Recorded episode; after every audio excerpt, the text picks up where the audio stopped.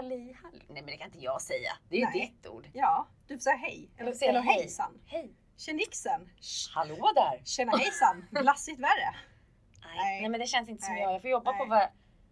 Det får bli min läxa till nästa vecka. Mm. Det var ren spontan grej att börja härma dig för att jag blev Jag är så nervös. Förra veckan vi satt så tänkte vi så här. Ja men det kanske är kul om någon lyssnar. Två, tre, Mm. Tio. Det hade varit wow. Och så nu är vi närmare 200. Eh, det tog mig lite med storm.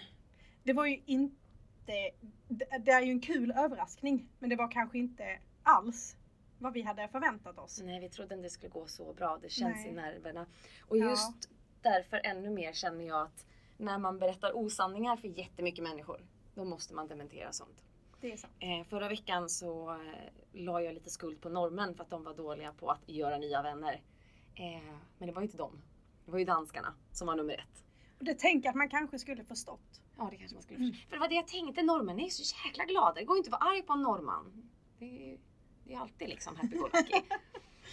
men men eh, danskarna, dansk, danskarna har man nära i Malmö. Men också, jag tänker här, eh, danskar, det, kan, det kanske egentligen inte är så att det är svårt att bli vän med dem. Det är bara det att det är lite svårt att förstå alltid vad de säger. Lite som en skånsk fast with a twist. Skånsk vet jag inte. Fast jag hörde att, eh, vad heter det? Nej, att skånskan härstammar från franska och inte alls från danska. För de flesta brukar ju kalla skåningar för lånedanskar eller sådär. Men det är tydligen inte så alls. Så vi är lånefranskor. Ja, lå- Fransyskor. lånefransyskor och fransoser. Ja. ja, det, är det därför jag tycker så mycket om eh, både... Hej Göteborg! Eh, är det därför som jag tycker så mycket om vitlöksbröd och baguetter och eh, eh, inte sniglar förstås. Det är ju inte exakt. Nej. Det är inte exakt min grej men, men jag gillar ju vitlök och vin. Ja, det kanske är därför. Det, Ja, det låter är ju som en mitt- rimlig Det är förklaring. mitt franska påbrå. Precis. Alternativt kan du skylla på det framöver Exakt. när du Ja. vill låta sofistikerad. Ja. Ja. Man är ju lite från kontinenten, Ja. så att säga. Precis. Men då har jag dementerat i alla fall att eh, det är inte norrmännen, det är danskarna som är svåra att ha att göra med. Ja. Strax över Kuwait och sen kommer Sverige. Men Sverige var ju tyvärr ingen dementi, utan vi är ju tredje sämst. Vi är tredje sämst. Eh, Det var ju trist. Det är himla trist.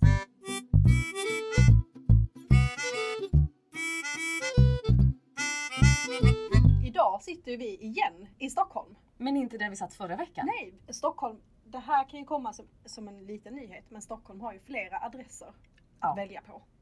Eh, idag sitter vi lite mer centralt än förra gången. Ja. Ehm, och eh, när man ska åka i Stockholm så kan man ju använda sig av tunnelbana. Och Inte om man heter Emily. Då Nej. undviker man den just nu. Ja, ja det, det, det är ju ett rimligt Ja. eh, undvikande. ja nej, det är, ju, det är ju att maxa den här dödsångesten. Eh, Just det. Just det. Det är inte bara att jag verkligen inte vill få corona utan det är också att jag... Nej, nej men det blir Den- så tråkiga tankar. Jag tänker att den löper ju amok. Den I, löper bort. ja, den, den springer ju längs tunnelbanan och bara köttar iväg sig. Ja men det är lite som den här jobbiga kusinen på familjefesterna. Du, du kan hantera att den är där. Men om du kan välja bort så är det ganska skönt. För oss som inte kan välja bort den jobbiga kusinen. Förlåt kusiner som hör detta. Ehm, så har, jag har, en tanke har ju slagit mig vid, vid ett flertal tillfällen när det- när det gäller den här tunnelbanan. Och det är ju var, varför, kära Stockholms stad, eh, varför är det vänstertrafik i tunnelbanan? Varför är det så att vi, vi har högertrafik sedan 1967, 3 september för alla oss som inte levde då men ändå minns för att vi har lärt oss det i skolan. Hur kan det komma sig att vi, vi har högertrafik och sen går vi ner för en rulltrappa och nu är det vänstertrafik? Hur? Nu, nu måste jag bara be om en, en eh, utveckling för det jag tänker är så här. Vad jag lärde mig när jag var liten det är två enkla regler. Ja. Fordon är högertrafik men när du går så går du till vänster för att möta trafiken. Det är inte jättemycket trafik nere i tunnelbanan men det är ju ändå fotgängare. Ja, och det är så här.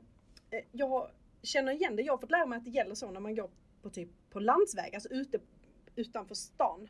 För att man ska möta trafik, för att bilarna ska kunna se dig. Mm. Nu har jag ju visserligen inte bott i Stockholm, eh, men jag skulle ändå säga att jag har varit nere i tunnelbaneområden eh, ett, några gånger. Och jag har sällan sett bil, bilar där mera. Nej. Och det är inte så att det är inte så frekvent. Vi, och det, det är också det här att eftersom ungefär hälften av människor som man pratar om höger och vänster, de har ju koll på att det är eh, högerregel och att högertrafik gäller. Men den andra halvan är så här, nej nej man går till vänster. Och då, då, då möts man ju uppenbarligen.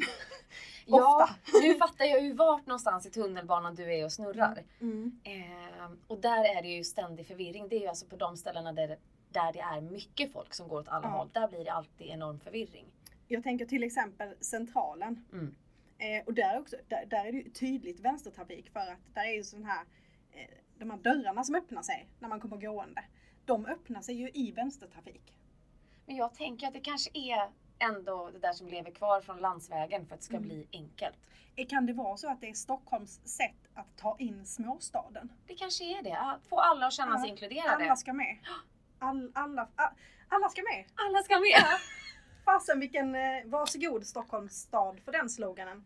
Men okej, vi lämnar tunnelbanan. Vi tänker så här, bra Stockholms stad för att, eh, för att vi inkluderar småstaden i storstaden. Men det här har ju också skapat problem för mig. På lördagarna så eh, ägnar jag mig åt eh, ungefär 42 minuters eh, terror i form av att jag intervalltränar på morgonkvisten. Och det är ju sunt. Det är bra för hjärtat. Men allt annat är det ju plågsamt för. Och, och då lägger jag ju allt mitt fokus på att överleva. Mitt mål är att överleva och inte dö under den här tiden. Och då är det ju lik förbenat någon som ska gå i min väg. På du tänker- vänster sida. Och då tänker du att du räknas som fordon för du färdas fort framåt. Ja eller bara nej, nej, nej. Jag har alltid tänkt att jag, är, jag går till höger. Ja. Och jag har Ja. alltid tänkt man går till vänster. Ja. Det är också, jag är ju uppfostrad med den här eh, är du osäker håll till höger. Det använder jag ju i alla lägen eh, i livet. Till exempel Vill du ha den här eller den här eh, frallan? Höger. Eh, ska jag välja den röda eller den blå toppen? Eh, höger. Nu ska vi också tillägga i sammanhanget, jag kan ju inte höger och vänster. Nej. Det är en grundförutsättning visserligen. Eh, men jag tycker bara att kan man ha, kan man, finns det en folkomröstning om detta?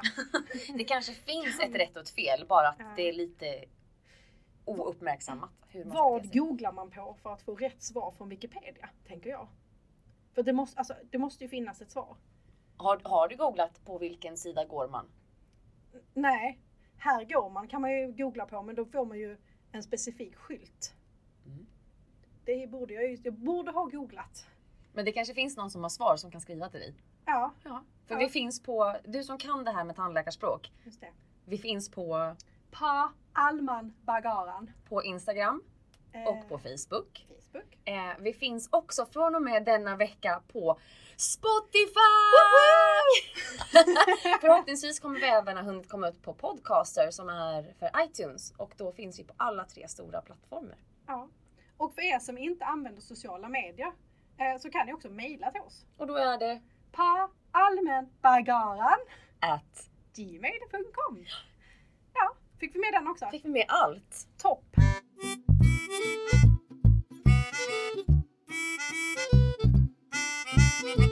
Förra veckan så pratade vi om två stycken av de här äh, lösheterna. Men vi pratade inte jätte- jättemycket om det här med att vara arbetslös. No. Ehm, nej, dels, alltså det här är ett jätte, jättestort ämne för mig. Eh, det är ett litet lurigt ämne för mig. Ehm, och jag har verkligen gått och tänkt på hur jag ska kunna förklara det här på bästa sätt. och det kommer nog inte gå. Men jag ska försöka. Eh, jag är 30 plus. Jag började jobba när jag var 14 eller 15 år. På dessa år så har jag hunnit med att arbeta på 16 olika företag. Jag har haft 12 olika typer av yrken. Plus att jag har gjort eh, praktik under min utbildningstid inom tre olika roller ytterligare. Även om alla var inom samma typ av yrke.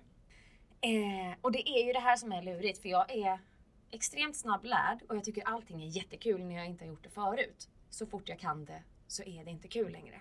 Så man kan ju onekligen säga att jag har hunnit testa mycket. Och så sitter man och är arbetslös och tänker, vad vill jag göra då? Jag har alltså testat mer eller mindre 15 olika typer av tjänster. Borde man kunnat ha hittat rätt by now? Fast jag tänker att du kanske har varit inom ett ganska smalt gebit. Så det är inte som att du har varit stridspilot och eh, sjuksköterska, eh, tandtekniker eh, och eh, pusselmålare. Nej, om du vill kan jag ju dra igenom allting jag har gjort. För jag har skrivit upp det här i rimlig ordning. Jag tror att jag har missat ett par grejer. Ja. Here it goes.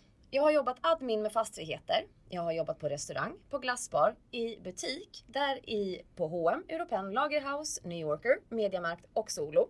Jag har jobbat på Malmö Arena, på Quality Hotel View. Jag har varit projektledare för Fiber. Jag har varit teamledare för event, kredithandläggare, produktionsledare för event, konferensansvarig och sen slutligen ekonomiassistent. Utöver det har jag gjort praktiker som scenograf, attributör, eh, rekvisitör och produktionsassistent.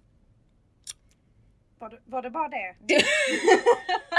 Det var bara det. Jaha. Och så satt jag då eh, hemma och funderade, liksom, vad, vad är det jag har gjort? Vad är det jag tycker är kul av allting jag har gjort? För jag har gjort allt från vanliga jobb, alltså sådana här riktiga jobb, till sånt som folk inte anser vara riktigt jobb. Jag har ju, har ju dessutom sjungit en hel del. Ehm, och att sjunga är ju inte ett riktigt jobb. Enligt, enligt eh, en viss generation i alla fall. Så tänk, jag har ju alltid tänkt att man måste ha ett riktigt jobb också. Just det, det, det duger inte med att göra det som man brinner för utan man ska, man ska göra någonting som är socialt accepterat som ett de facto jobb. Ja, precis. Mm. För att pratar du med vem som helst från, från, min, eh, från mitt förflutna vad det gäller de jag har pratat med jobb om så kommer nog i alla fall 90 plus procent börja prata om pensionen och säkerheten. Eh, pengar är ju ingenting som motiverar mig överhuvudtaget. Så länge jag överlever dagen så är jag ganska nöjd. Eller jag är jättenöjd. Ganska vet jag inte var det kommer ifrån. Jag är jättenöjd om jag har ätit mat och varit liksom inomhus en hel dag.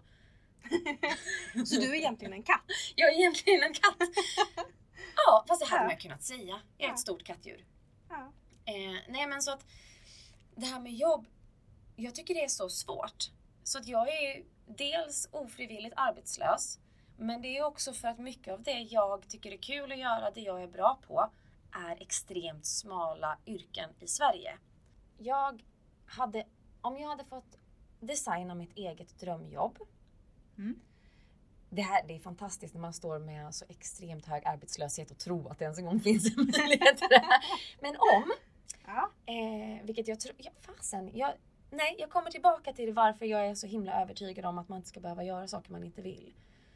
Men så här, om jag hade fått designa min drömtillvaro så hade jag gjort nya saker i stort sett varje vecka. Allting hade varit en utmaning. Jag hade behövt lära mig saker, men jag hade inte behövt bli skitbra på det. För så fort man ska behöva bli skitbra på någonting så finns det någon annan som bara vill bli skitbra på just det. Och då kommer de springa förbi dig med hästlängder. Jag har ingen ambition att bli bäst på någonting. Jag ser inte syftet med det. Här sitter ju varenda VD och bara så här Tinderspråk swipar vänster.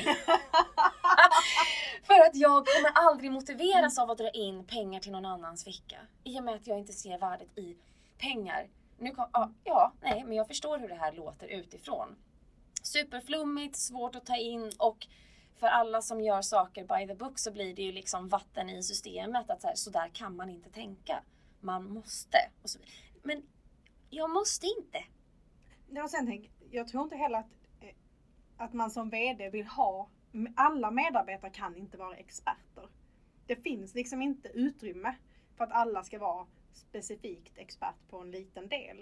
Eh, Det behövs de här som har eh, en generell allmän kunskap. Sen är det kanske svårt att hitta ett jobb där du får nya, helt nya saker att göra varje vecka. Jag skulle vilja vara Karina Berg. Världens farligaste jobb. Eller var det hon? Eller var det... Nu, nu, nu ställer du en fråga som där jag känner att jag behöver Google. Och det går inte för vi håller på att spela in. Nej, precis. Så Nej att- men så här, nej men på riktigt. TV, eh, alltså. Att göra sådana reportage hade varit helt otroligt. Men jag har ju ingen ambition att slå mig in med näbbar och klor för att, för att försöka få bort alla som på riktigt strävar efter att de vill jobba med det. Jag säger ju bara att jag hade tyckt det var skitkul. Mm. Så att hade jag fått chansen så hade jag tagit den och förmodligen aldrig gjort något annat för resten av livet eftersom jag skulle få göra nytt och nytt och nytt och nytt. Men blir det verkligen nytt? Alltså jag, jag tänker att även i det jobbet så blir det en slentrian. Okej, jag ska researcha det här stället, jag ska åka dit, jag ska ställa de här frågorna, jag ska klippa detta, da, da, da, da, da. Och sen så, det är ett nytt ställe. Det är nya människor. Men är det de facto ett nytt? Alltså jag, där, där ser vi kanske på det olika. Jag hade inte tyckt att det var att göra nya saker. För min del så är det så här. Då vill jag bungyjumpa ena veckan och då, bygg, då bygger jag min egen bungyjump anordning såklart. Ja. Och överlever jag den veckan eh, så, så kanske jag bakar tårtor nästa vecka och då ska jag ju självklart blanda alla eh, tårtkomponenterna. Ja men det var ju ungefär så som det programmet gick ut. Eller ungefär det, Mm. det, det som det programmet gick ut på. Världens farligaste jobb var ett nytt yrke varje ve- vecka att testa. Ja. Ehm, jag säger inte att det behöver vara exakt just det men jag när man sitter arbetslös och kollar, för det första så finns det ju inga jobb ute och då börjar man ju ändå fnula liksom på men vad, vad ska jag göra av min tid nu? Mm. Ehm, och det här med podd är ju en sån sak. I och med att när vi har pratat färdigt idag så kommer vi ju inte älta de här grejerna mer. Då är ju det Mm. lämnat och sen tar man någonting nytt. Det passar ju mig att där blir det ju hela tiden nytt. Förvisso samma.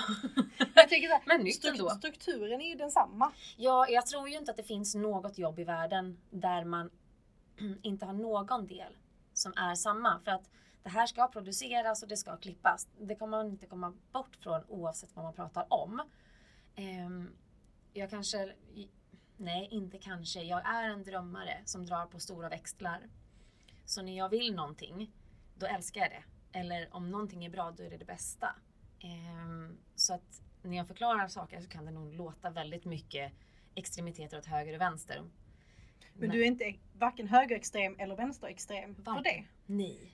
Kanske vi ska vara tydliga med. Men Mm. min bästa vän brukar säga att det händer alltid så mycket runt mig.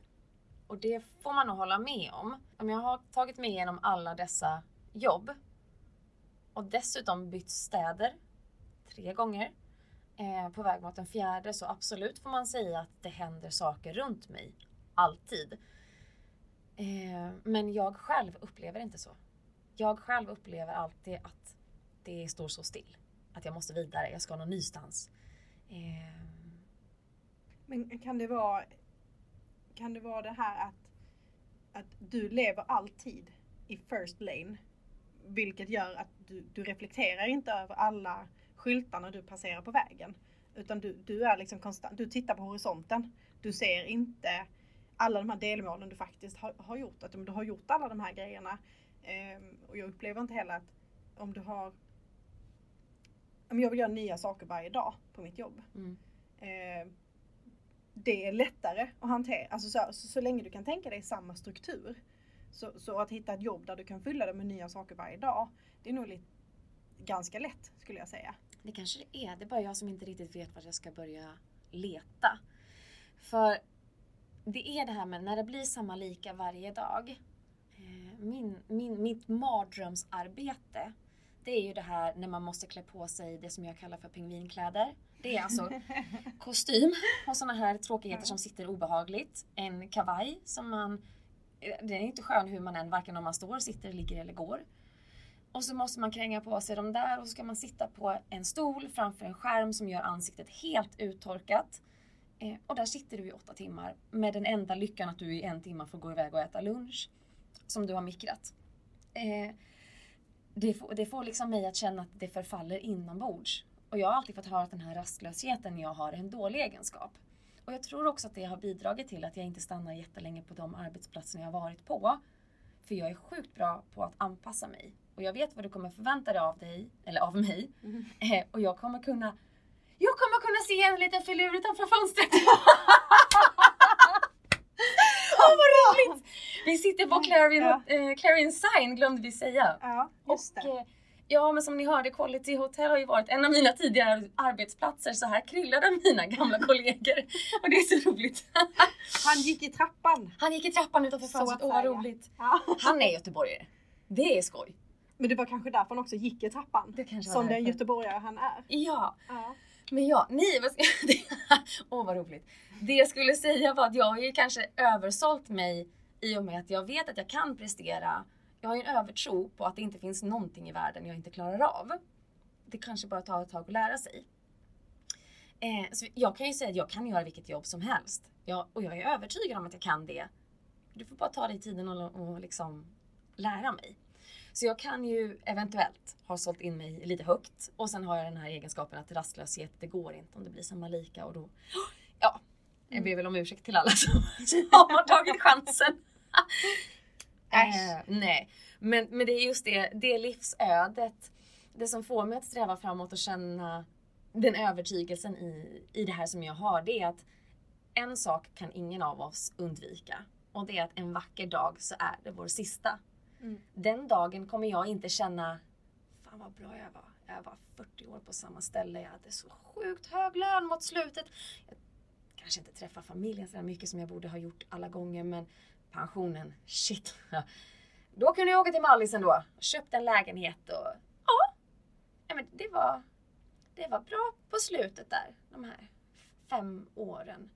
Det, var ändå, jag vill inte, det, det är inte för mig. Jag vill känna när jag, alltså när jag drar mitt sista andetag, då ska jag känna jag hann fan i mig med allt jag ville. Mm. Eh, och det, det är liksom allt från, från små saker till, till stora saker. Det, är, det som ger mig lycka är, som vi pratade om, du och jag, det här med att man kan gå förbi och rädda en humla. Liksom. Mm. Det är, då, har, då har min dag varit givande. Mm. Min dag har inte varit givande om jag har dragit in en affär till ett företag. Det, det gör ingenting till min livshistoria som jag vill berätta för mig själv. Eh, så därifrån kommer min övertygelse. Och den tänker jag stå fast vid. Det tycker jag är klokt. Mm. För om ingenting annat så är det ju precis det man ska göra mot sig själv. Man ska ju vara sann mot sig själv.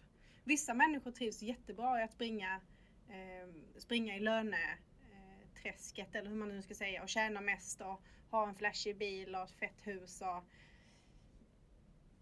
vaska pengar. Mm. så att säga.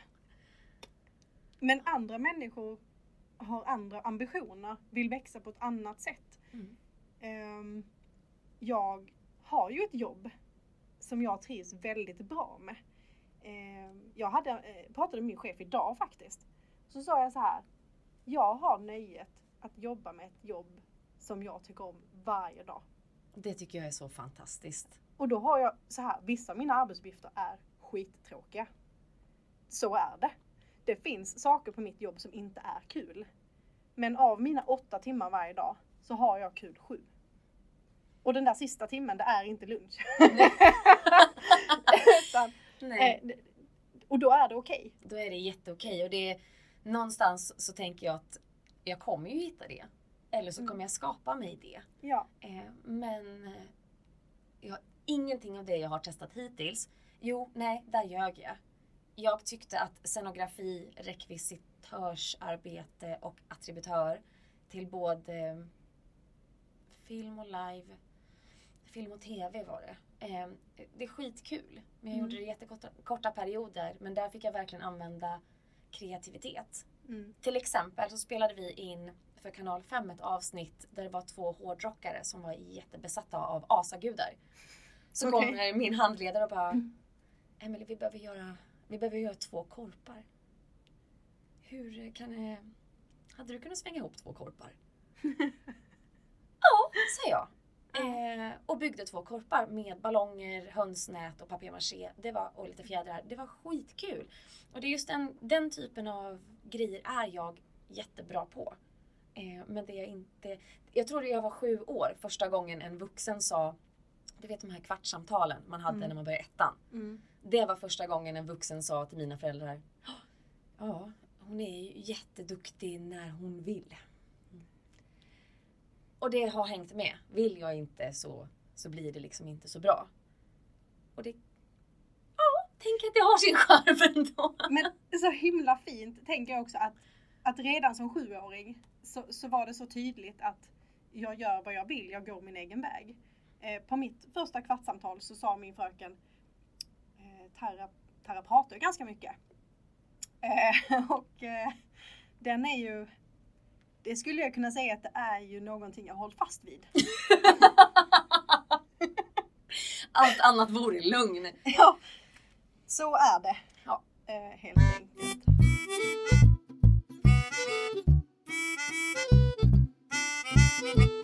Men så fick jag höra, jag fick höra för kanske ett år sedan att när du är nio år gammal, där någonstans är du ganska övertygad och oförstörd om, om vad du vill och vem du ska vara egentligen. Och då tänkte jag fråga dig, minns du vad du ville jobba med när du var nio år gammal? Det gör jag faktiskt.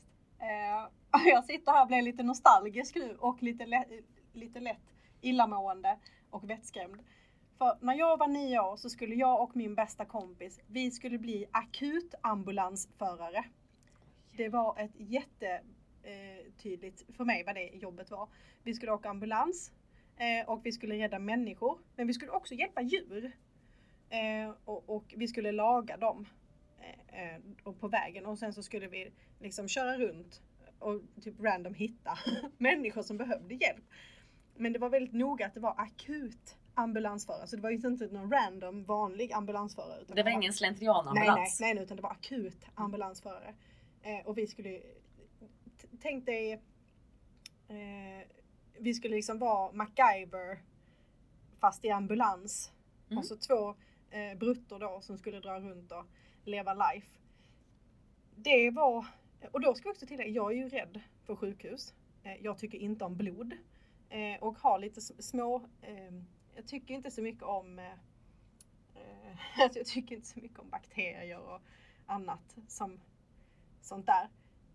Så, så här i vuxenperspektivet så kan jag bli så här, ja det var ju en fin tanke. Eh, och, och jag kommer ihåg vi, vi, vi hade en liten radio, eh, vi gick omkring med en bandspelare och spelade in så här radioprogram som vi tänkte att vi skulle sälja eh, lite som en tidig podd kanske. För att eh, få pengar till vår ambulansbil som vi skulle köpa. Ni, ni ville lägga första budet på den här bulan som kör omkring i Malmö. Yes. Jo, nej men det var, eh, det var så det var. Så vi, så vi skulle, vi skulle helt enkelt ha, vara akutambulansförare. Mm. Mm. Vad, eh, vad var din, ni, vad, vad var Emily nio år? Vad var din, ditt yrke, Eller det du skulle bli när du blev stor? Det här, nu, nu kommer dramaådran fram. Så här sa jag när jag var liten. Om jag inte blir artist, eller då visste inte jag att podd fanns, så jag tänker att jag är ändå lite halvt eh, hållt vad jag lova. Om jag inte blir artist och ihågkommen, då var mitt liv inte värt att leva.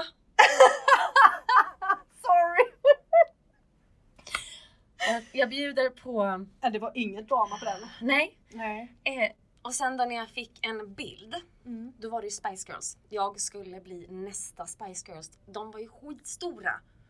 Ehm, och turnerade. Så musik har ju alltid varit någonting för mig. Men så tänkte jag också på en annan influens. Och den har vi tillsammans. Och den kom ungefär samtidigt. Och det är Nile City. ja! Det är ju närmare besläktat med podd. Ja. Ändå. För det Ja. handlar ju, för den som inte har sett Nile City så är det en komediserie som gick Ja. på någon gång på 90-talet. 90-talet. Killinggänget Mm. som producerade och eh, Nile City 105,6. Din borg i bukten. Mitt City. Ditt city. Mitt I city. Och nu blir det internt. För det, det här hade vi säkert kunnat sitta och köra lite random referenser om i säkert timmar. Eh, Ja. För det här, det finns ingenting som vi kan tillsammans så mycket utan till som detta. Eh, men så dels Nile City. Och sen så har jag också varit väldigt fascinerad av Galenskaparna After Shave. Och även Hasse och Tage. Så det har varit mycket underhållning. Revy, eh, alltså det, det här är ju klassiska revymakare Ja, kan man ju säga. ja precis. Eh, både, både gamla revyer med Hasse och Tage och sen lite mer moderna och större. Kallas det revy med Galenskaparna? För de har ju liksom... Jag skulle, de har ju gjort revyer. De har ju även gjort alltså, tv-produktioner men, men absolut skulle jag säga att det är revy. Det kanske de har. Jag, tänker, jag har kollade på deras cyklar jättemycket när jag var liten. Det här är också när jag var liten och mina vänner satt och kollade på Disney och sådana där grejer. Då kollade jag på Galenskaparna eller Hasse och Tage. Alltså Fröken Flegmans mustascher. Det det är liksom den jag var. Så jag känner att någonstans har ju min entertainer-ådra aldrig försvunnit. Och jag älskar att stå på scen. Jag tycker det är så kul. Vissa får ju... Jag har hört att eh, det är fler som är rädda för att stå på scen än att dö. Alltså det är, Det är så... ju helt sjukt. Det- Förlåt alla som, som inte vill stå på scen. Eh, Jag, innan jag skulle bli akutambulansförare och också lite grann efter att jag skulle bli, ja det var en kort period som jag skulle bli, men det var precis när jag var nio. Eh, Men innan dess och efter det så har jag ju alltid sagt att jag ska bli skådespelare. Hade vi kunnat slå ihop det här på något vis och eh, någon gång i framtiden skaffat oss en poddambulans? Tänk vad häftigt! En poddambulans. Vi hade kunnat åka precis vart som helst med den. Ja, Kanske inte skyltat som ambulans, men på något vis. ja. P- Poddakuten. Ja. En- En pakut. Kan, kan man... En, en, en akut på allmän begäran. ja, nej, men så jag Ja. tänker i alla fall att både för dig och mig, även om det inte är någonting vi har hållit stenhårt i, så har den här äh, viljan att underhålla ändå funnits med sedan vi var små. Mm. Och då tänker jag, om det är fler som är arbetslösa, alternativt lite vilse i vad man håller på med, börjar fundera på vad man ska göra om man skulle byta, då är mitt tips att gå tillbaks till när man var typ nio år och fundera på vad man ville göra då. För det fanns nog någonting där, om man var helt ärlig mot sig själv, som man kunde bygga vidare på. Mm, faktiskt. Eh, Men inte om du ville bli akutambulansförare. Kanske inte just de fallen. Just, nej, nej inte exakt där. Men mina, alltså absolut. Eller framförallt kanske gå tillbaka till vad var det man brann för som barn? Vad var det Precis. som, som gjorde det så här löjligt kul? Vi lekte ju fina damer, jag och mina kompis. Ja, det, ju, Det var någonting som vi tyckte var kul. det har jag aldrig gjort. Jag är ju militant emot att vara fin idag. När, när vi, vi lekte fina damer, jag vet inte exakt vad vi hade fått input till hur en fin dam skulle vara. Nej. Men vi lekte fina damer, vi rökte också. Alltså som en vet så här, vi lekte, låtsasrökte liksom, så det var väl uppenbart den. Men det gjorde man och det, Ja. det gjorde nog alla i vår generation. Man, man hade antingen tuggummi-cigaretter eller chokladcigaretter som man gick Mm. omkring och jag vet att, förlåt mamma, men jag vet att jag till och med liksom tände på dem med, med en tändare för att det skulle se på riktigt ut. För det, annars var det ju bara på vintern det såg ut som det kom rök och då kunde man inte lura någon. Men det hörde jag sen att man ska helst inte bränna plast. Det blir tråkig rök. Ja, det, det är ju inte det vi rekommenderar i första skedet. Men även, alltså, även ifall det bara, bara är en chokladcigg så är det ju, alltså, nu har jag inte eldat på choklad eftersom jag tycker att choklad är heligt. Det luktar inte gott. Men jag kan tänka mig att det, det blir en bitterljuv upplevelse.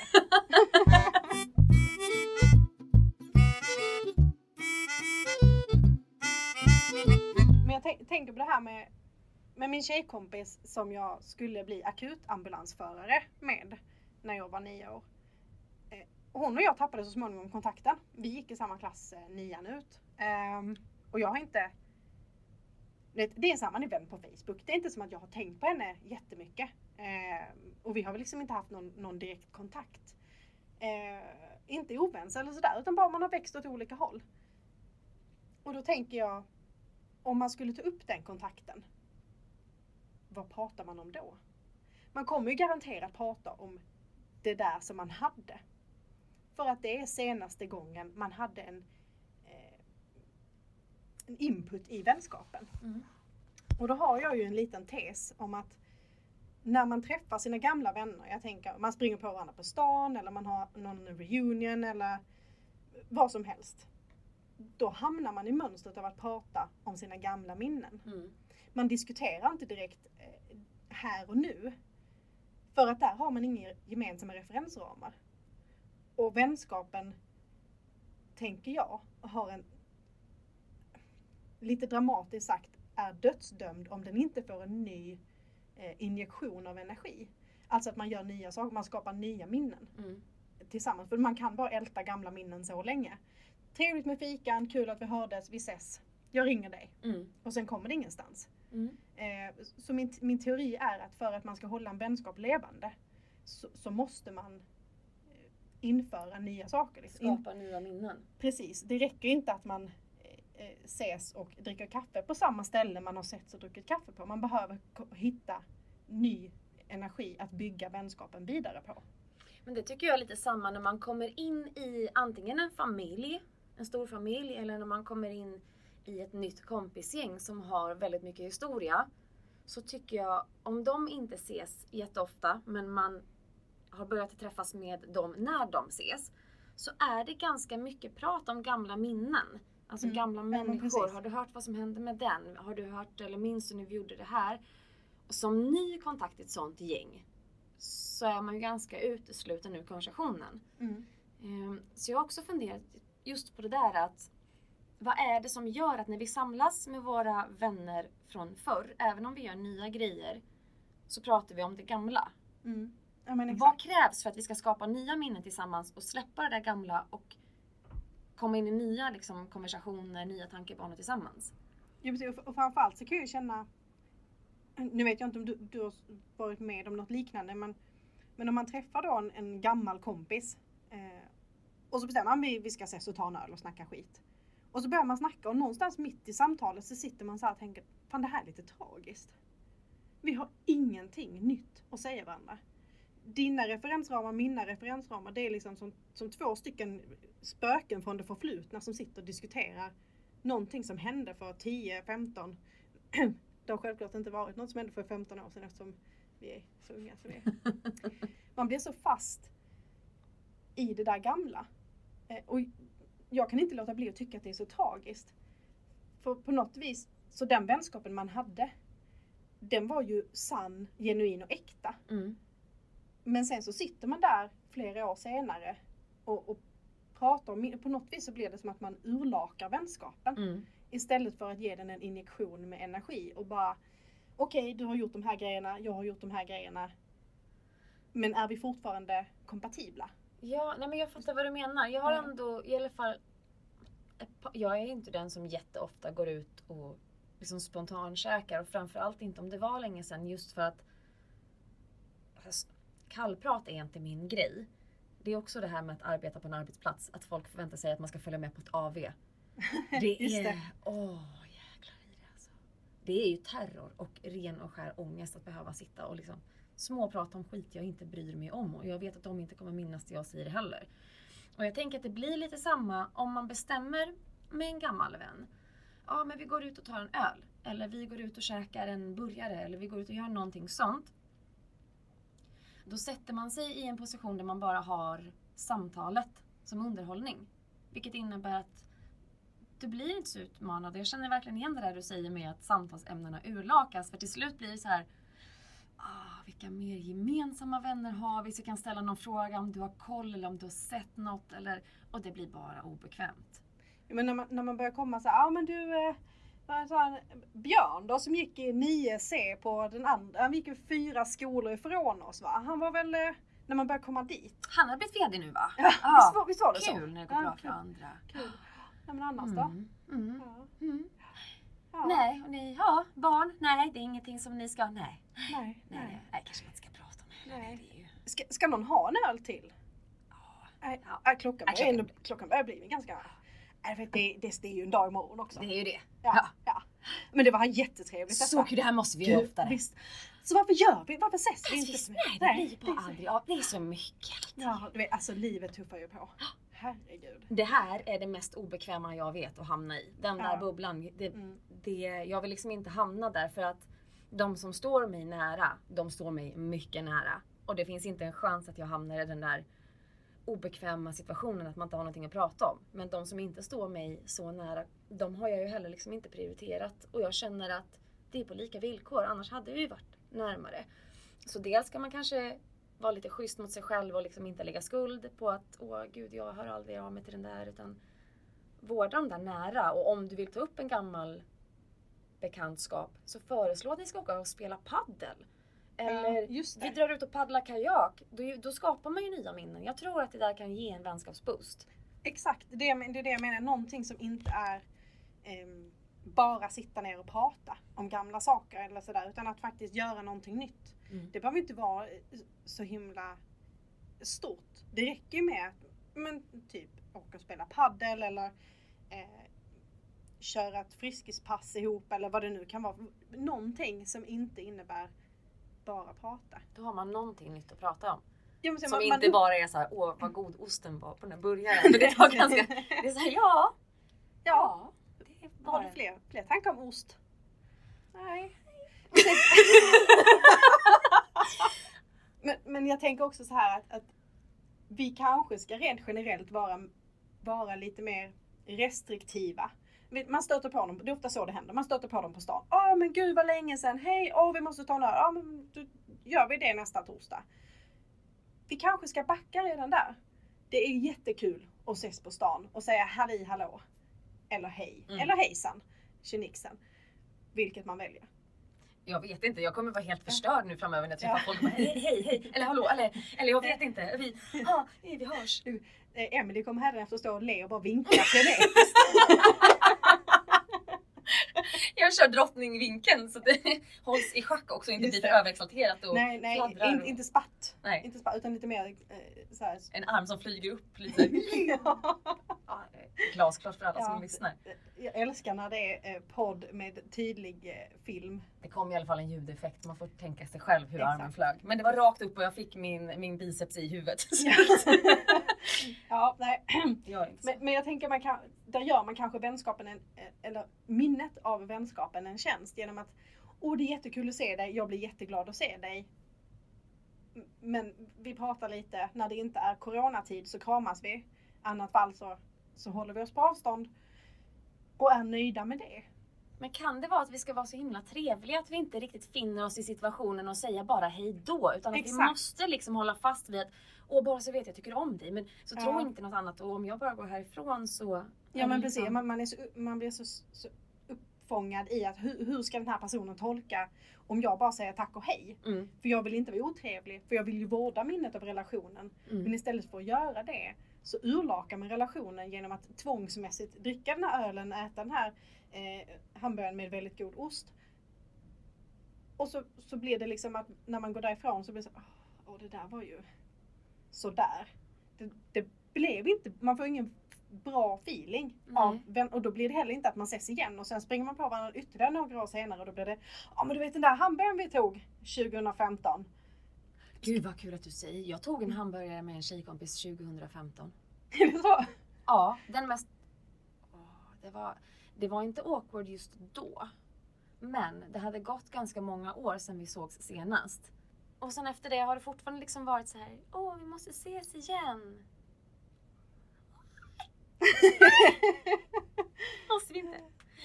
Och inte för att, liksom, att det är något groll eller att man är ovänner, men för att så här, den tiden vi hade tillsammans, den var fantastisk. Och jag kommer minnas den med kärlek för resten av mitt liv. Men nu har du gått vidare. Du är en ny kapitel, jag är ett nytt kapitel. Vi behöver liksom inte skapa nya, alltså kan man inte skapa ett nytt kapitel tillsammans, att man står på samma plattform, då tänker jag att Nej, det kanske lika gärna kan vara att man vårdar minnet istället. Men Exakt, och att låta det vara okej. Det är okej att säga tack för den här tiden. Lik, äh, jag tänker det är ju, en vänskap är ju på samma sätt som det skulle kunna vara en relation med en partner. Ja, för de håller man ju inte fast vid. Nej, det är inte som så man springer på dem på stan och så bara hej du vi var ju tillsammans innan, ska vi, eh, Borde inte vi ses oftare? ska vi inte ta och, du vet, vara tillsammans ett tag här för det var vi ju ändå senast. Ångesten som över med den tanken. Nej men det var bra tack. Ja, Eh, precis. Eh, tack för mig.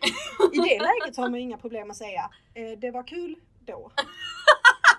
nej då har man fan inga Nej, problem att säga såhär du, det var knappt kul då. Det fanns, en, det fanns ett tydligt slut och det är vi ju tacksamma för. Men eh, annars, bilen går bra. Så att, eh, har du, har du pumpat däcken? Nej, men det, det, Ja, man har ju ingen utväg när man sätter sig där. Nej, men Nej. det är fasen sant. Man håller inte fast vid sina gamla kärleksrelationer. sina gamla kärleksrelationer Varför ska man hålla fast vid gamla vänskapsrelationer som uppenbarligen inte höll? Nej, för Varför det är är, de så sak. unika? Nej, men det, det, och det är det jag inte förstår, att det blir, för då blir det krystat. Så, så, och så fort du då kopplar in kärlek istället, eller istället, det- vänskap är också en form av kärlek, Mm. men, men så fort det blir en partner så är det inget konstigt. För skulle jag stöta på ett ex så kan det vara, ah hej, kul att se dig, Kul att du lever. ha det, hej. Näst, gärna som en mening, bara så här, hej, kul att se dig, ha det, hej. Då har man inte det här, den, här plötsliga eh, dåliga samvetet. Nej det har man ju inte. Den kommer inte alls. Men med vänner får man dåligt. Det är Ja. dåliga Det är samvetet det dåliga, hänger på. ja, jag tror det. Jag har så mycket dåligt samvete. Och, och till vilken nytta då?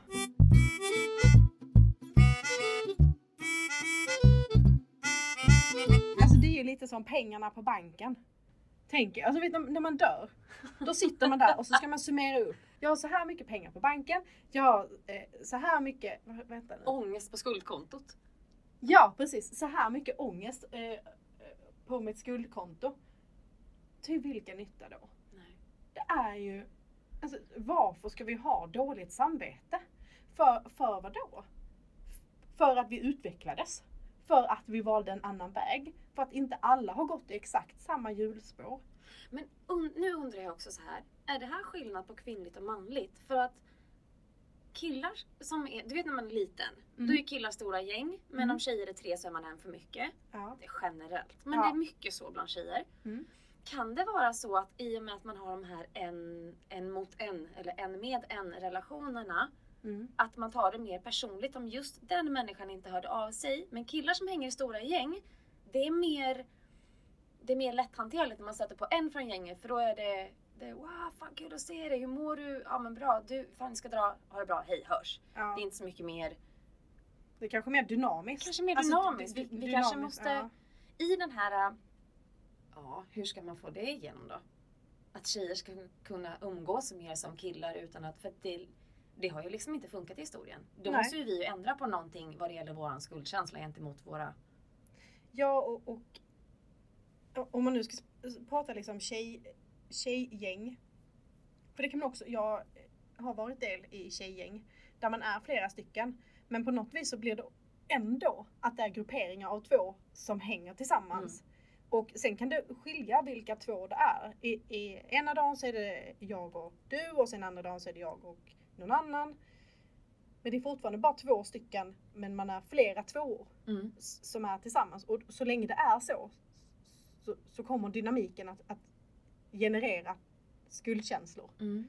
Eh, och skitsnack skulle jag också säga i, i förlängningen. Också an, en anledning att jag inte gillar tjejer. Nej tyvärr, varken du eller jag har ju en sån här jätteentourage med liksom Nej. stort tjejgäng. Nej. Eh, jag för min del känner väl som du, har lite svårt. Jag, jag är ganska rak på sak och ofta så kan tjejer tycka att man ska säga det som vill höras. Det är inte jag så bra på. Alltså, säg det snällt. Det har ju ingen någonsin anklagat mig för. Nej, och det, det är det som är så fruktansvärt skönt mellan dig och mig. För när du säger orimliga saker så kan jag bara säga fast nu får du fan ta och skärpa dig. Det där, det räcker. Och du s- säger likadant tillbaka. Ja, men så vi har den jargongen. Mm. Och jag tänker att det är kanske lite mer, om man nu ska vara stereotyp och, och, och skjuta från höften, killgissa. Killgissa. Eh, killgissa, inte killkissa. Nej, Nej För förlåt. har ändå kommit möjligheter för Eh, tjejer att göra det om man eh. köper sig en liten tratt. Just det, den här cheapy. Vet henne? Ja. inte för att jag har googlat. Nej. Nej. Men så här, det, har, det har kanske kommit eh, en bit på vägen eh, att, att vi har, vi som du och jag har, har kanske en mer manlig attityd i, i form av att vi är rakare och eh, säger rakt ut vad vi tycker och tänker. Det gör också att vi, vi matchar inte riktigt in i en tjejgrupp. Nej. Vi Jag matchar har- inte in någonstans. Jag måste ta hänsyn till någons känslor. I och med att jag är alltså så här. Åh, nej. Fast jag, alltså jag tycker ändå att du, det är ju inte, du är ju ingen bulldozer. Det är, väl Nej. mer, det är väl mer det att du har liksom, du säger rakt på sak. Och det är inte människor alltid så vana vid. Nej. Jag råkar ut för samma sak. Att, så- man säger, och någon frågar mig, den klassiska. Eh, ska, jag, ska jag köpa den här rosa tröjan med tofsar på axlarna? Eh, absolut, den sitter jättefint på dig. Skulle jag aldrig säga. Utan jag skulle säga så här. ehm, jag hade inte valt den. Och det är ett politiskt korrekt tillrättaläggande av hur kan du ens fråga mig detta? Medan min attityd är så här. Tyckte du den var snygg eller? Det, det är det som är... Ja. Eh, Ja. Jag fick ju en pik här förra veckan att jag lät så himla snäll mot vem jag egentligen är. Och det är väl det att så här, känner man mig eller står man mig nära, då får man den typen av... Det är ju sagt med kärlek. Ja. Men, men det är mitt sätt att så här... Om jag tycker någonting är skitfult så kommer jag säga, tyckte du själv att den var snygg? Ja, då så ta den. Kör på det. Stå inte bredvid mig på fotot. Nej, precis. Men jag kommer inte säga så här.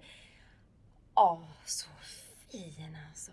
För det, det finns liksom, det, det syns ju, det syns lång väg. Jag hade, på tal om jobb, en, ehm, när jag jobbade på där trivdes jag inte Nej. alls eh, för kulturen i företaget. Jag var bara provanställd. För Det Mm. var precis nyöppnat. Jag vet inte hur länge jag kan ha jobbat där men det var någon månad innan. Så vi hade byggt upp butiken och hade gjort min upplärning och sådär. Men när jag stängde av och kände att det är inte kul. När jag sen gick och sa upp mig, vilket jag gjorde utan att ha ett annat jobb för jag kände att det kan inte, det här är inte vad livet går ut på. Så sa de, ja vi såg på dig att någonting inte var rätt men vi trodde inte det var så här allvarligt. Vilket alltså betyder, man ser på mig direkt när jag har tröttnat. Jag, Mm. kan, jag har inget pokerface. Nej. Så det funkar liksom åt alla håll. Om jag skulle säga ah, jättefin den där tröjan var så kommer du se att min blick är helt död. Mm. Blicken är motsvarigheten till den här döda fisken hälsningen. ja. Den är också, eh, döda fisken hälsningen är ju också bland, alltså det måste ju vara topp två vidriga saker. Jag förstår inte att folk fortfarande gör det i och med att det är Alltså man Nej. säger ju döda fisken för att Ja. det är obekvämt och Ja, obehagligt. Ja, men sen, och det är också de här som absolut inte ska döda fisken som istället gör då eh, någon form av jag ska trycka sönder din hand så till den milda grad att du får frakturer på flera eh, ben så att du ska förstå att jag hälsar på dig. Mm. Och då tänker jag så vad, vad, det är ju väldigt bra nu i, i coronatid för då ska man ju bara eh, som så här, armbågas. Eller som jag nu från och med vinka. Det är ju jättecoronavänligt. vinka, vinka kan man göra och är det så att man vinkar på håll så kan man också göra den vinkningen du gjorde innan. Rakt upp med handen och sen så veva frenetiskt. Eh, då har man ju safeat och då har man ju också nått ut till en större publik. Mm. Speciellt vi som, som inte kanske är 1,90 Nej, inte riktigt. tillsammans höll jag på att säga. Knappt tillsammans. Jag har i och för sig alltid uppfattat mig själv som en väldigt stor människa. Som en lång människa. Ja. Tills jag såg mig själv på video bredvid eh, en av mina killkompisar som är en stor människa. Och då såg jag ut som en inte lika stor. hur, lång, hur lång är du? Jag är 1,62. Jag är 1,64,5. Ja, så du ser, Ja. du är ändå större. Men visste du att de inte skrev ut eh, 0,5 i passet? Jag tycker det är taskigt. Så du blev 1,64. Ja, för jag ville avrunda uppåt men det ville inte pass. Men kan det vara så att jag kanske också har en halv centimeter till godo? Om jag inte Så du, du, du är alltså 1,62,5. Kanske. Så jag är bara 2 centimeter längre, inte 2,5. Det kan vara en och en halv Ja. eller två och en halv. Det är lite länge sedan jag Ja. vägde mig höll på att säga. Men mätte mig. Man, man väger ju sig på längden. Det är ju sen gammalt.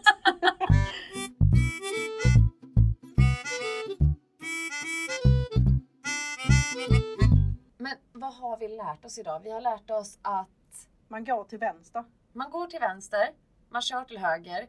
Om du är arbetslös just nu så gå för din dröm. Försök minnas vad du ville när du var åtta år, nio år. Ja. Det vi också har lärt oss utöver eh, hur vi ska gå och hur vi ska drömma och hur vi ska komma vidare om vi är eh, Det behöver inte vara att man är arbetslös, det kan ju vara att man är på ett jobb där man känner att själen dör. Men vi har ju också utöver detta har vi också lärt oss hur, hur vi kanske ska hantera våra gamla bekanta. Om det är någon man vill bygga vidare på och få en starkare relation med. Precis. Hur, hur gör jag när jag träffar på den här personen som, som jag av en ödets nyck har tappat kontakt med men som jag verkligen saknar i mitt liv. Gör någonting tillsammans. Och inte dricka en öl utan faktiskt gör en aktivitet. Ja. Bygg ett nytt minne. Och är det så att det är en, en person som vi hade kul där och då och det är fine by me. Tänk att det är ett ex. Nej, men att man kan lära sig att säga så här. Hej, det var kul att se dig. Ha det så bra Ja. och vara nöjd. Man kan ju också, en sak som inte är så vanligt med, bland oss svenskar tänker jag. Om du känner att du hade velat säga vi måste ses, men Mm. vet att ni inte kommer ses. Kan du inte ge en komplimang istället då? Eh, Jag tar ju inte åt mig av detta för jag är ju då eh, av franskt ursprung. Men, men för er svenskar. Nej. Men så här, då, då kanske vi ska avsluta där. Mm. Ge en komplimang. Och om du vill bygga vidare, hitta på någonting på riktigt. Ja, Ja. Hörs vi eller? Vi hörs. Woo!